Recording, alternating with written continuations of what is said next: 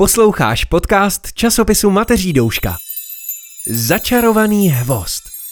Napsala Klára Smolíková, čte Jan Maxián. Díl desátý. Před kým se skály rozestoupí. Málo kdo se v kraji zvaném Končina radoval z přicházejícího léta. Vesničané vstávali do mlžného oparu chladných rán a ani polední slunce mlhu nerozpustilo. Sytil jí obávaný hvost.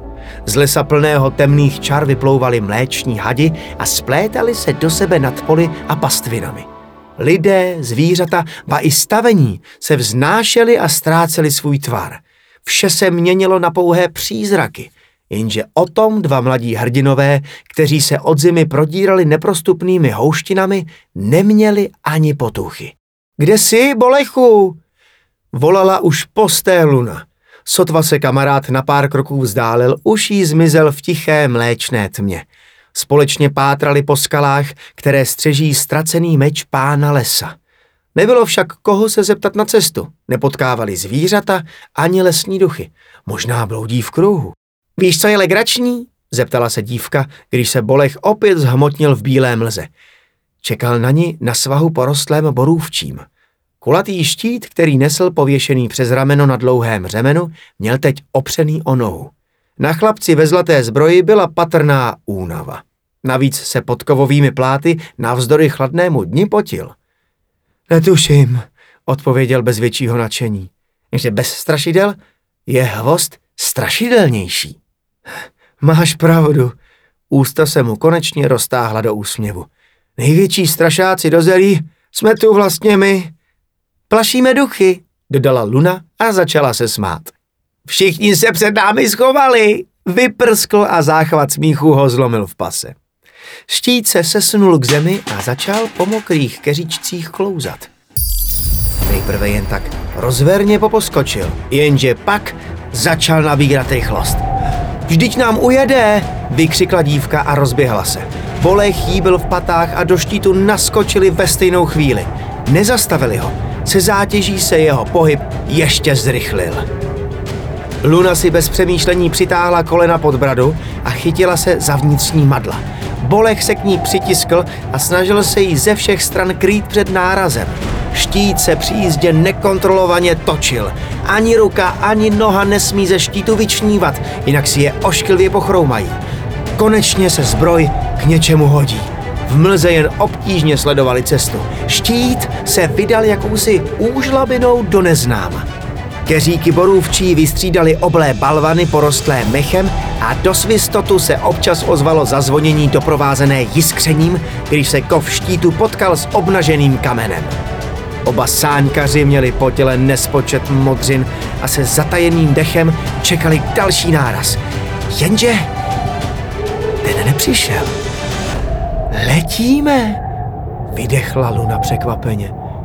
Vzduch se pročistil a Bolech s údivem pohlédnul, kam se řítí. Hluboko pod nimi zela hluboká propast a cenila do široka otevřená ústa. Z okolních skal padaly proudy vody a s hukotem mizely v zemi. Nadechni se! Stačili ještě vykřiknout, než je pohltila vodní tříšť. Pohazovala s nimi, převracela je, podávala si je, dokud je prout nevtáhl do hlubin podzemní řeky. Kamarádi se drželi řemenu připevněného ke štítu a polikali andělíčky. Bolecha táhla zbroj ke dnu, luna v proudu vlála jako list a síly jí rychle opouštěly. Chlapci nezbylo než jí řemen omotat kolem pasu, aby mu neodplula. Pak začal kolem šmátrat. Nohama několikrát narazil na dno. Zdálo se, že proud zpomaluje a oni už neklesají. Potřebují se dostat nad hladinu a nadechnout se. Třeba si ponorná řeka vyhloubila ve skále jeskyni, jen se musí vynořit na správném místě. Odrazil se a přilbou narazil do hrbolaté skály.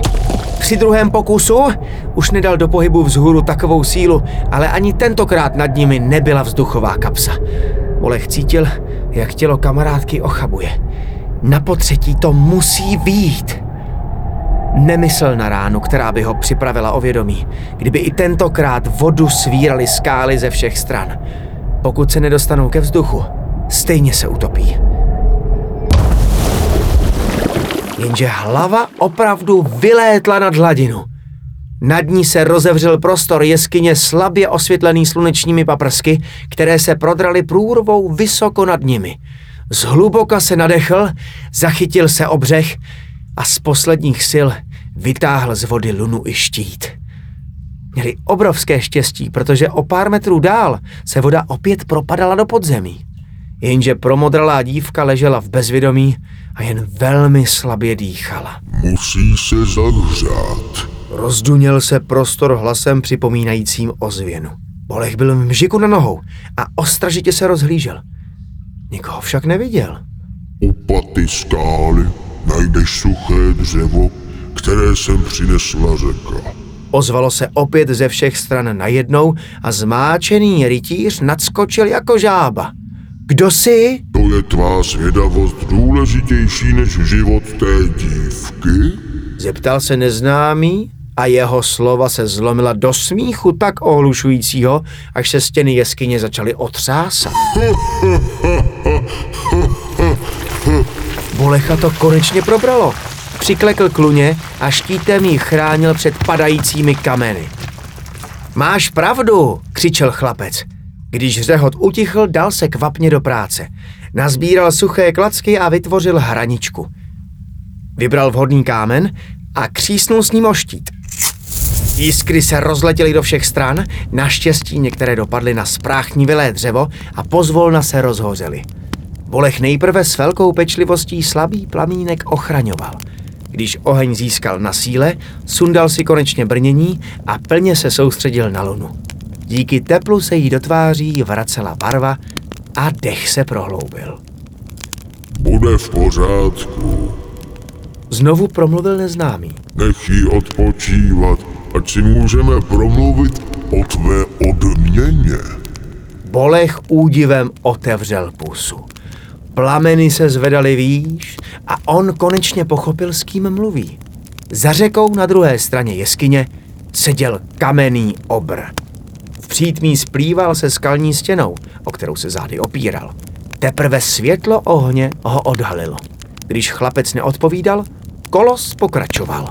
Přinesl si mi štít i nevěstu. Spokojeně mlaskl. Chtěl jsem tím úkolem někoho pověřit, ale sem nikdo nechodí, jen voda mi nosí zprávy, co v Mlžné hoře plánuje zimní démon. Rampus k sobě přece svolal všechny lesní bytosti, i kamenné muže. Jak je možné, že na tebe jeho moc nestačí? Zeptal se chlapec a v duchu pečlivě zvažoval další postup.